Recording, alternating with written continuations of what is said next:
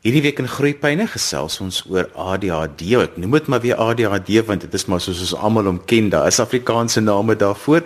Maar om hieroor te gesels het ek vir Helena Bester, sy's 'n absolute ekspert op ADHD en ons gaan vandag 'n bietjie praat oor wat gebeur nadat 'n mens medikasie gebruik het, al die terapieë wat nodig is om sulke kinders te help. Helena, kom ons verduidelik net gou vinnig vir in kort wat is ADHD en dan ook so 'n bietjie die die polemiek rondom dit. Goeiemôre Johan, baie dankie. Goeiemôre aan al die luisteraars en dankie vir die geleentheid om hier met julle te kan gesels.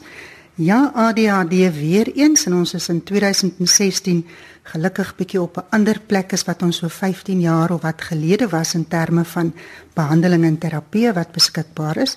Gelukkig weet almal nou in hierdie stadium dit is nie nou maar net nog 'n term wat gemakliker wat wat uitgedeel word en dat daar nie werklik um, 'n um, probleem is wat uh, klinies meetbaar is um, waar uh, waaroor um, wat beskryf word deur ADHD nie. ADHD is inderdaad 'n neurochemiese wanbalans in dele van die brein veral wat betrokke is by fokusvaardigheid en aandag en daar is verskillende neurooordragstowwe wat betrokke is en veral die dopamienstrukture in die brein werk nie goed by die ADHD leier nie.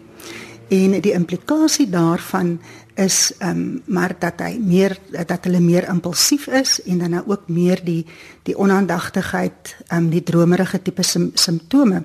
So ons onderskei dan nou mos tussen die drie tipes ADHD. Ons het die onaandagtige tipe of die dromer tipe en hulle is presies soos wat die term beskryf. Mens kyk na hulle en jy kan sommer sien hulle is besig om te droom. Hulle fokus op iets in hulle eie kop, nie dit wat rondom hulle aan die gang is nie.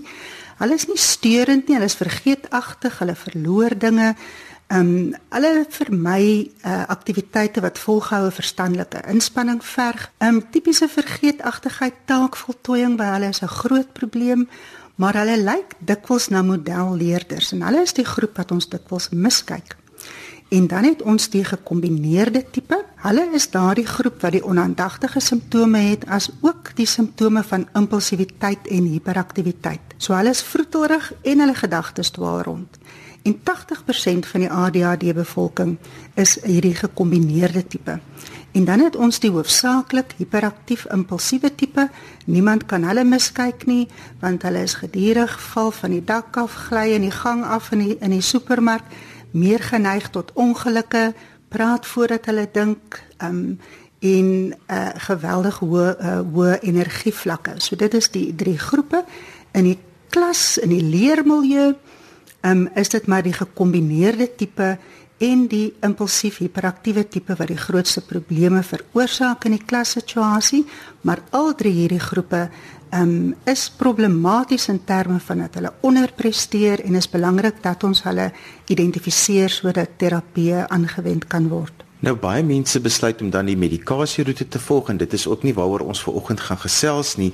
As 'n kind op medikasie is, dan is dit mos maar eintlik net die begin van die pad wat 'n mens stap. Johan, dit is so 'n baie belangrike punt by al die aanbiedings wat ek doen by skole en in diensopleiding en al die dinge. Benadruk ek dat niemand die reg het eerstens om vir die ouer te sê, "Ehm um, hier is die probleem, ons kan jou kind nie hanteer nie gaan na die algemene praktisyn en kry vir die kind Ritalin. Dit is 'n on, onaanvaarbare benadering en ek het in die laaste boek wat ek geskryf het, dit ook gevra dat dit vet gedruk daar sal gespesifiseer word dat die terapie en die intervensie die ouer se probleem, die ouer se se voorreg is om te besluit uh, op die pad vorentoe. En ja Johan, geen stimulante medikasie los die probleem op nie want dit werk nou mos maar vir 4 ure die kortwerkende een of 8 ure die langwerkende een of dan nou die konserta werk vir 12 ure. En dan wanneer ons daai medikasie uitgewerk het is ons terug waar ons begin het. En daar is inderdaad studies wat daarop dui dat langtermyn die 2 jaar studies dat na 2 jaar is die effektiwiteit van die stimulante medikasie nie so goed soos wat dit aan die begin is nie Maar hoe dit ook al syn wat belangrik is is die, dit is nie net 'n pilletjie wat nodig is om hierdie komplekse probleem aan te spreek nie. Een aspek wat geweldig um aandag behoort te geniet in Suid-Afrika is die ondersteuning aan die ma's. Dit is vir 'n ma en daarom moet moet ons realisties wees. Dit neem waarskynlik 3 maal meer energie en tyd en bronne om om die kind deur die skool uh, uh begelei te kry. So daar behoort begrip te wees en die ouers en die skool behoort hande te vat. En die ouers is so moedeloos na elke ouer vergadering want hulle kry aanhoudend dieselfde boodskap terug hierdie kind se taak is nie voltooi nie, die huiswerk is nie gedoen nie, dit is te mekaar ensovoorts die ma weet al daai dinge. 'n Mens sou dieselfde ding kon sê as onderwyser, jy dood eenvoudig net te sê, "Goed mevrou Smit, ons het hierdie probleem hier is ons kom ons maak planne." En dan is daai ma se hele ervaring totaal anders. En dan is daar ander energie waarmee gewerk kan word en ondersteuning wat gebied kan word. In terme van die addisionele ondersteuning in die skool byvoorbeeld, is ons nou ons ook op hierdie wonderlike plek nou waar die inklusiewe onderwysbeleid voorskryf dat daar sekere aanpassings moet wees in onderrig en ook in evalueringsmetodes. En meestal het die die ADHD leier in 80% van hulle soos ek vroeër genoem het onderpresteer en die skool moet aanpassings maak om volgens die behoeftes, die leerbehoeftes van daardie kind um, om te kan ondersteun en om die leerhindernisse te identifiseer. En as die ouers nie bewus is van die aanpassings wat gemaak moet word nie, wil ek ernstig voorstel dat hulle na 'n praktisyn kan gaan wat kennis dra en wat 'n evaluering kan doen en dan wat spesifieke voorstelle kan maak oor watter tipe aanpassings moontlik is en nodig is en toegelaat word in die inklusiewe onderwysbeleid. Daar is byvoorbeeld dinge soos dat hulle verlengde skryftyd kan kry, ehm um, dat daar 'n fasiliteerder aangestel kan word as dit nodig is, dat daar beplanningshulp gebied kan word. En as daar 'n lees of uh, skryfprobleem is wat dikwels die geval is by hulle, dat daar spelling konsessies toegelaat word en voorlesing toegelaat word. Dit is van die skool se kant af en dan die die interaksie van die onderwyser met die individuele kind is tog so belangrik want ons moet onthou dat alhoewel hierdie kinders dikwels aanhoudend in die moeilikheid is dit is nie as gevolg van stoutheid nie of omdat hulle ander wil ontstig of ontstel nie. Dit is maar net 'n impulsbeheer ding en hulle is gewoonlik um baie gretig om 'n positiewe emosionele band te stig. En as mens erkenning gee en jy maak naby kontak met die kind en elke nou en dan as jy sien nou hier gaan die aandag die kant toe of hier raak hy nou verstrengel en wat ook al net om weer terug te bring die aandag terug te bring en op 'n positiewe manier. En dan as ons daai kind se se samewerking het is dit totaal 'n ander prentjie. Maar meestal is almal heeltyd kwaad vir hierdie kinders en sommer vir die ma ook en dit maak hulle lewe onnodig onaangenaam Helene, wat is ons terapie opsies? Wat is die dinge, die planne wat ons kan maak met hierdie kinders? Johan, die terapie wat nou 'n uh, absolute gefundeerde alternatief is en wat nou nie meer 'n eksperimentele behandeling is nie, is neuroterugvoerterapie. Die terapie het die hoogste vlak is is uh uh aangedui as die hoogste vlak van effektiwiteit. As mens nou kyk van die effekgrootte van die navorsing en die relevantie van die studie en die statistiese beduidendheid en al die dinge as allerhande formele merkers waar volgens dit geëvalueer word. So dit is nou nie sommer net iemand wat nou besluit dit dit werk redelik goed nie. En in Oktober 2012 het die American Association of Pediatrics um amptelik gesê dat hierdie terapie 'n vlak 5 effikasie het. Dit beteken dat dit net so goed soos en beter is as ander hooflyn terapie soos uh, uh, byvoorbeeld medikasie. So dit is 'n nie indringende alternatief. Dit is 'n kondisioneringsproses. Um is is operante kondisionering is implisiete leer wat gebeur. Um die proses behels dat 'n mens sensors plaas um op die uh, op die kop wat sekere uh, strukture van van in die brein dan nou bereik. En dan weet ons nou wat is die ideale funksionering in terme van baie groot uh, databasisse wat beskikbaar is. In terme van verskillende frekwensies weet ons wat die amplitudes moet wees. En dan stel ons sekere grense vir ehm um, die daardie aktiwiteit wat daar te veel van is, soos byvoorbeeld theta aktiwiteit. Dit is die grootste probleem met die ADHD bevolking. 67% van die bevolking van die ADHD leiers het te veel theta aktiwiteit. En ons kan daai theta aktiwiteit inderdaad inhibeer. En dan gewoonlik is daar nie genoeg beta aktiwiteit nie, maar verhoogde beta aktiwiteit op 'n sekere deel van die brein um inhibeer impulsiwiteit. So, ek wil nou nie te tegnies raak oor die terapie nie, maar neuroterapie is 'n baie sinvolle en 'n uh, moontlike uh, alternatief. En op die BFSA, die Biofeedback Association of South Africa, op daardie webblad um, is daar uh, neuroterapeute en uh, biofeedback van ander modaliteite in die in die in die biofeedback uh, terapeute uh, genoem in verskillende areas uh, dwars oor die land en daardie webtuiste is um biofeedback sa um .co.za So ons het die neuroterugvoer terapie wat werklik nou al daar is werklik baie um, navorsing beskikbaar daaroor. En dan is dit ook belangrik om met die stelsel te werk. So ons het heelwat life coaches ook en ander ervare terapeute. Dit was as arbeidsterapeute ook baie ervare in die hantering van ADHD leiers dat daar na die stelsel gekyk word want onthou nou hierdie ADHD ding val nou nie uit die lug nie is meer as 80% kans dat dit geneties is. So dikwels so met die eerste onderhoud as mens die pa se hand so skud en weet mens o gat so hier is die appel het nie ver van die boom geval nie en in minder gevalle kom dit van die ma af Maar die punt wat ek wil maak is, dan is daar nou mos ander dinge binne daai stelsel wat kompleks is. Jy kan nou nie vir 'n vir 'n ADHD ouer sê, onthou nou, dis belangrik dat daar struktuur is, dat daar organisasie is, dat daar rotine is, want dit is al klaar 'n probleem vir daardie ouer wat 'n ADHD leier is. So as daar 'n terapeut is wat daar kan inbeweeg en met die hele stelsel kan werk met die ouers en met die kind en praktiese planne maak, beloningsbewysstelsels werk baie goed. En rotine en struktuur ensovoorts bly nou maar baie belangrik. Maar dit is essensieel om te weet dat um, daar ondersteuning nodig is.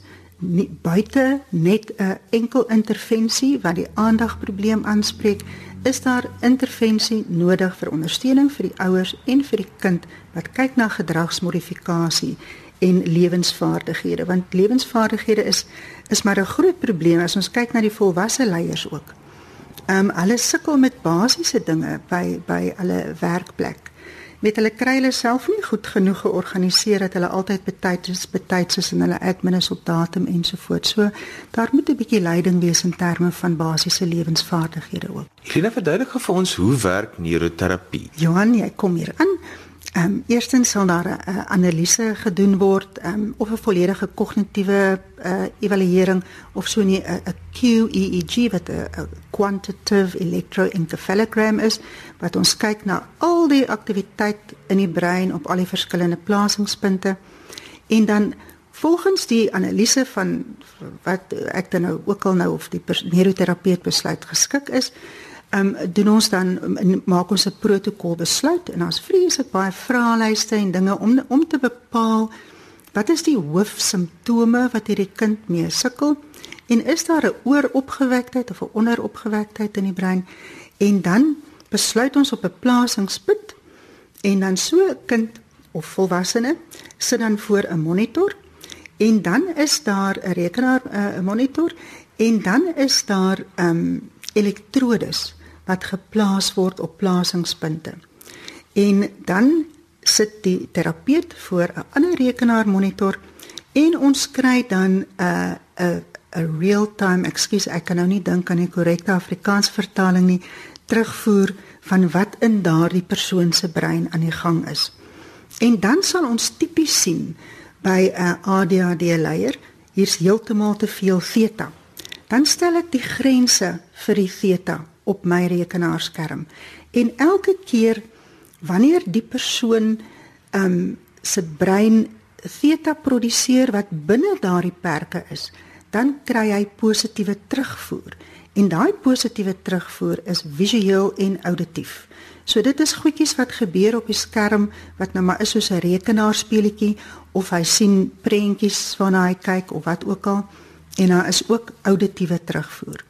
Nou 'n belangrike onderskeid wat ons maak in neuroterapie is ons kyk na die ADHD groep. Hulle almal die onaandagtige groep, die hiperaktiewe groep, hulle kry almal nou mos maar dieselfde stimulante medikasie. Maar in neuroterapie gee ons 'n baie eintlik amper die teenoorgestelde behandeling vir die twee groepe. Die meer onaandagtige groep, hulle is dromerig, hulle het baie stadige aktiwiteit in die brein en ons werk meestal aan die linkerkant oor die sensories-motoriese strook. Dis nou die strook wat nou loop van oor tot oor oor die brein en ons stimuleer die korteks daarteen 'n hoë frekwensie 15 tot 18 Hz en ons inhibeer die die theta en ons inhibeer ook as daar te veel vinnige aktiwiteit is wat geassosieer word met met angstigheid en so aan. En dan tipies wat gebeur en ons sien dit onmiddellik, ons het gewoonlik 'n 'n oordrag effek die eerste ruk van tussen 2 en 24 uur, dan raak daai oordrag éventueel langer. Ons sien dan die persoon het meer energie en hy's meer gemotiveerd en beter gefokus. En dan die hiperaktiewe groep gaan ons deur die die hoe die proses daar werk is ons plaas daai sensor dan meestal aan die regterkant van die brein. En die stimulasie wat ons daar doen is teen 'n laer frekwensie 12 tot 15 Hz. Maar Ek gebruik nou die woord aan eh, stimulasie by gebrek aan 'n aan 'n beter woord, maar belangrik dat die luisteraar sal sal verstaan dat daar word geen impuls gestuur in die brein in nie. Ons neem dood eenvoudig 'n lesing van die breinaktiwiteit wat daar is wat gaan oor die vuring van die van die neurone. So die gesonde aktiwiteit word versterk. Die ongesonde aktiwiteit word geïnhibeer want as die, as die persoon theta byvoorbeeld produseer buite daai grense op daai split sekonde word daar geen terugvoer gegee nie en die brein op voorbewuste vlak reageer op die terugvoer want hy wil al hoe meer sukses hê.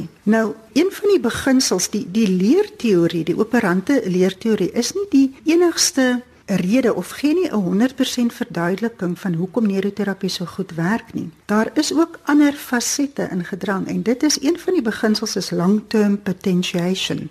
So daar waar daar verbeterde kommunikasie is in daai sinapse tussen die is 'n dendriete. Wanneer dit gebeur, bly dit permanent so. Dit is asof die brein besef maar hierdie was nie sinvol nie en hierdie manier van funksioneer is nou beter, dan bly dit so en dan is 'n verdere beginsel iets wat gebeur is, daar is inderdaad groei van die dendriete wat gebeur en ook selgroei wat plaasvind.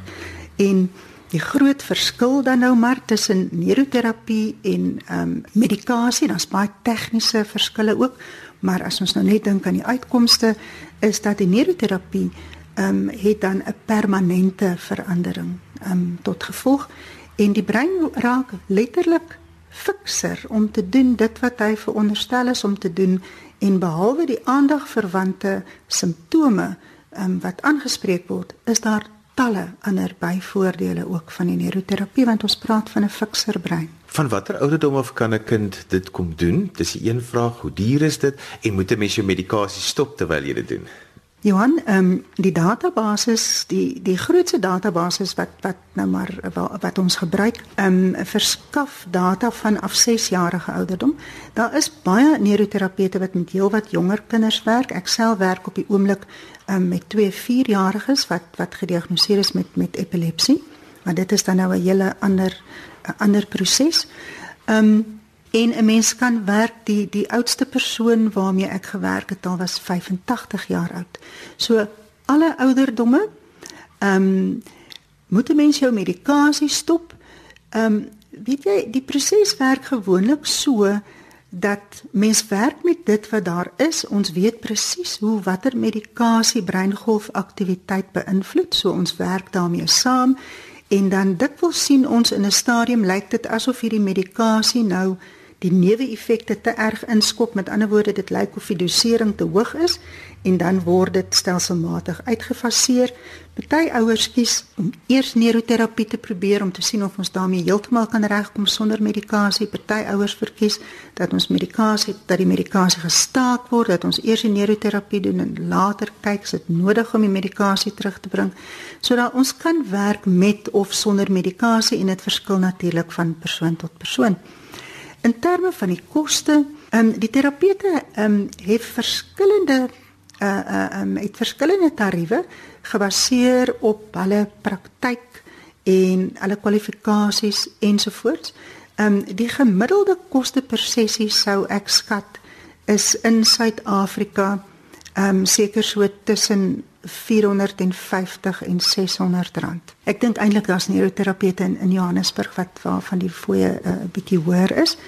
En ons kyk na die aanvangsbehandelingsprogram is gestandardiseer op 40 sessies. Ehm um, soms is ons teen 30 sessies klaar, maar dit is onrealisties om te dink dat 'n mens binne 10 sessies dit gaan opgelos hê. Ek het nog net in die 11 jaar wat ek nou neuroterapie doen, twee persone gehad wat na 10 sessies was alles reg, goed. Dan ehm um, maar dit is 'n dit is uh, onrealisties om die verwagting te hê. So Ehm um, nee, dit dit dit is 'n duur terapie Johan en dit is 'n 'n 'n groot belegging wat wat 'n ouer maak aan sy kind as hy besluit om dit te doen. Maar as ons dan nou kyk na die alternatief van medikasie oor die totale leeftyd in vergelyking met die neuroterapie waar daar 'n eindpunt is, um, dan dan verander dit die prentjie ook 'n bietjie. As mense met jou wil kontak maak, hoe kan hulle dit doen? Johan, ek gaan my praktyk telefoonnommer gee, uh, 021 981 8226 en dan het ek ook 'n uh, webwerf Jelena Bester Neurotherapy www.co.za. Dis en alwaar vir ons tyd vandag. Onthou jy kan weer na vandag se program luister as 'n potgooi. Laai dit af by rsg.co.za. Ons het vandag gesels oor neuroterapie en watter rol dit kan speel om ADHD-leiers te help. My gas was Helena Bester. Skryf gerus vir my 'n e-pos by groeipyne@rsg.co.za. daarmee groet ek dan vir vandag tot volgende week van my Johan van Lille. Totsiens.